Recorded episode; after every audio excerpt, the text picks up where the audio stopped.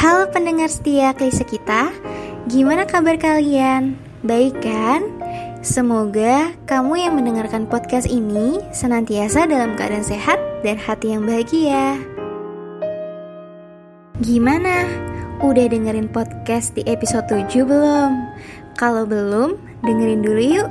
Semoga bisa membantumu untuk menemukan makna kebahagiaan yang sesungguhnya. Topik podcast di episode kali ini masih sangat berhubungan dengan topik di episode minggu lalu, yaitu mengenai kebahagiaan. Kebahagiaan yang sering banget kamu jadiin tujuan akhir dari hidup yang sifatnya kekal dan universal atau keseluruhan. Kebahagiaan yang universal dan kekal itu bukanlah sesuatu yang tidak nampak atau hanya di awang-awang saja, akan tetapi merupakan hasil dari suatu hidup yang telah kamu jalani dengan baik. Lalu, apa aja sih faktor-faktor yang mempengaruhi kebahagiaan? Menurut sebuah penelitian yang dilakukan oleh salah satunya adalah tokoh psikologi positif, yaitu Seligman dan rekan-rekannya, bahwa ditemukan ada tiga faktor utama yang mempengaruhi kebahagiaan. Aku akan bahas semuanya ya. Yang pertama adalah set range atau bisa disebut sebagai batasan genetik yang ikut mempengaruhi kebahagiaan. Contohnya, kita bisa lihat kalau ada orang yang sangat membutuhkan stimulasi sosial yang tinggi, ini biasanya orang-orang yang ekstrovert. Tetapi juga ada loh orang yang membutuhkan stimulasi sosial yang rendah. Nah, ini biasanya orang-orang yang introvert. Maksudnya gimana? Coba deh kamu perhatiin, ada orang yang mudah sekali bahagia hanya dengan hal sederhana yaitu tertawa. Sedangkan ada juga orang yang dengan tertawa sekalipun ia menganggap hal itu adalah hal yang biasa aja. Intinya, porsi kebahagiaan kamu itu sebenarnya udah di setel sejak kamu berada di dalam kandungan. Namun, kamu pasti akan merasakan yang namanya kelaparan akan kebahagiaan yang akan mendorong kamu untuk mencari berbagai kegiatan atau situasi yang akan meningkatkan kebahagiaan.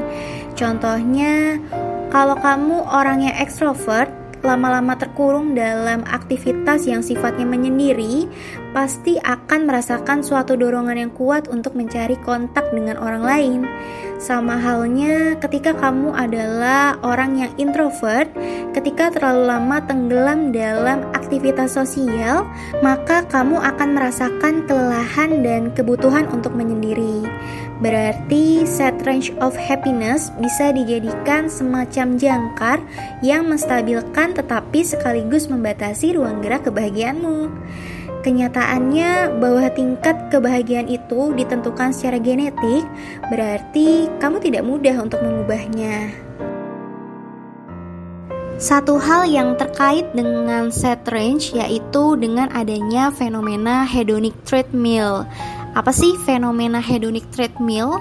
Yaitu merupakan kecenderungan manusia untuk menjadi terbiasa dan merasa bosan dengan apa pun yang semula menimbulkan sensasi yang kuat.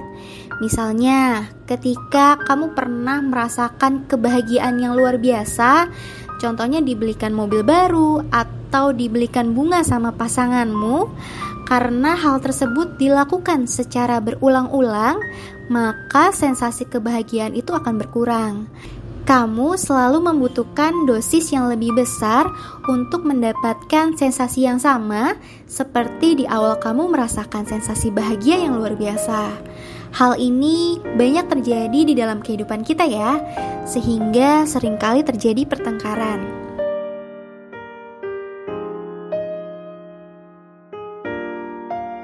Yang kedua yaitu circumstances atau bisa kita sebut dengan berbagai situasi kehidupan. Nah, kehidupan kita kan senantiasa selalu berubah. Kita sebagai manusia mesti berusaha untuk bisa menyelesaikan diri dengan lingkungan kita. Seorang tokoh psikologi mengungkapkan beberapa situasi yang bisa mempengaruhi kebahagiaan seseorang. Apa aja sih? Yang pertama adalah bergaji besar. Bagi seseorang yang kekurangan uang dengan bertambahnya uang, maka akan meningkatkan kebahagiaan. Yang kedua, dengan adanya pernikahan. Nah, kalau pernikahannya rukun, itu akan menimbulkan kebahagiaan bagi setiap pasangan. Sedangkan kalau pernikahannya penuh dengan konflik dan masalah, pasti keduanya tidak akan merasakan bahagia. Lalu yang ketiga adalah berusia muda. Nah, kepuasan hidup itu cenderung meningkat dengan berjalannya usia. Di usia muda, lebih banyak kegembiraan yang sifatnya ekstrim, having fun, tertawa dengan teman-teman kita. Kegembiraan semacam itu menjadi langka ditemui di usia tua. Lalu yang selanjutnya adalah kesehatan. Nah, kalau kondisi kita sehat, kita tidak memiliki penyakit, maka akan meningkatkan kebahagiaan. Nah, pendidikan juga bisa meningkatkan kebahagiaan kita. Ketika kita bisa melanjutkan studi, ketika kita punya pendidikan yang baik, itu akan meningkatkan kebahagiaan. Lalu jenis kelamin.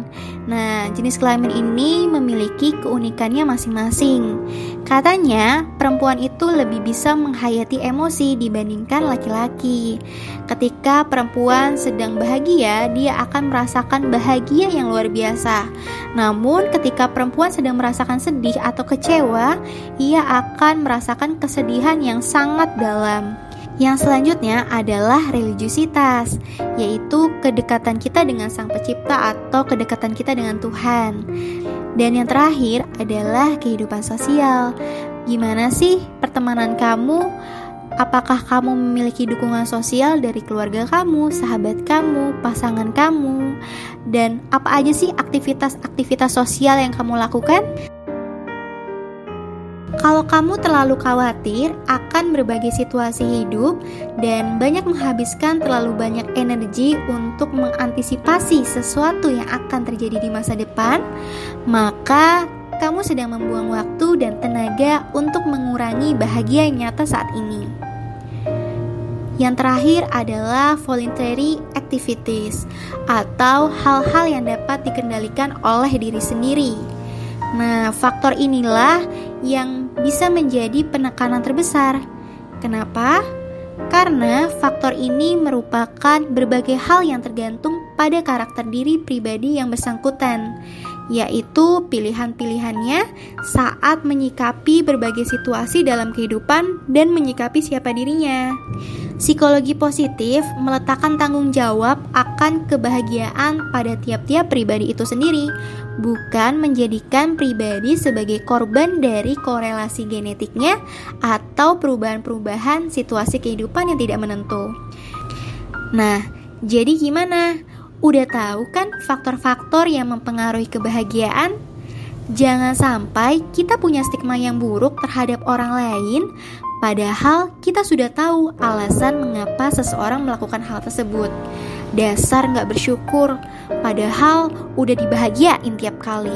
Masih aja ngerasa kurang, padahal hidupnya udah bahagia banget. Eits, tunggu dulu.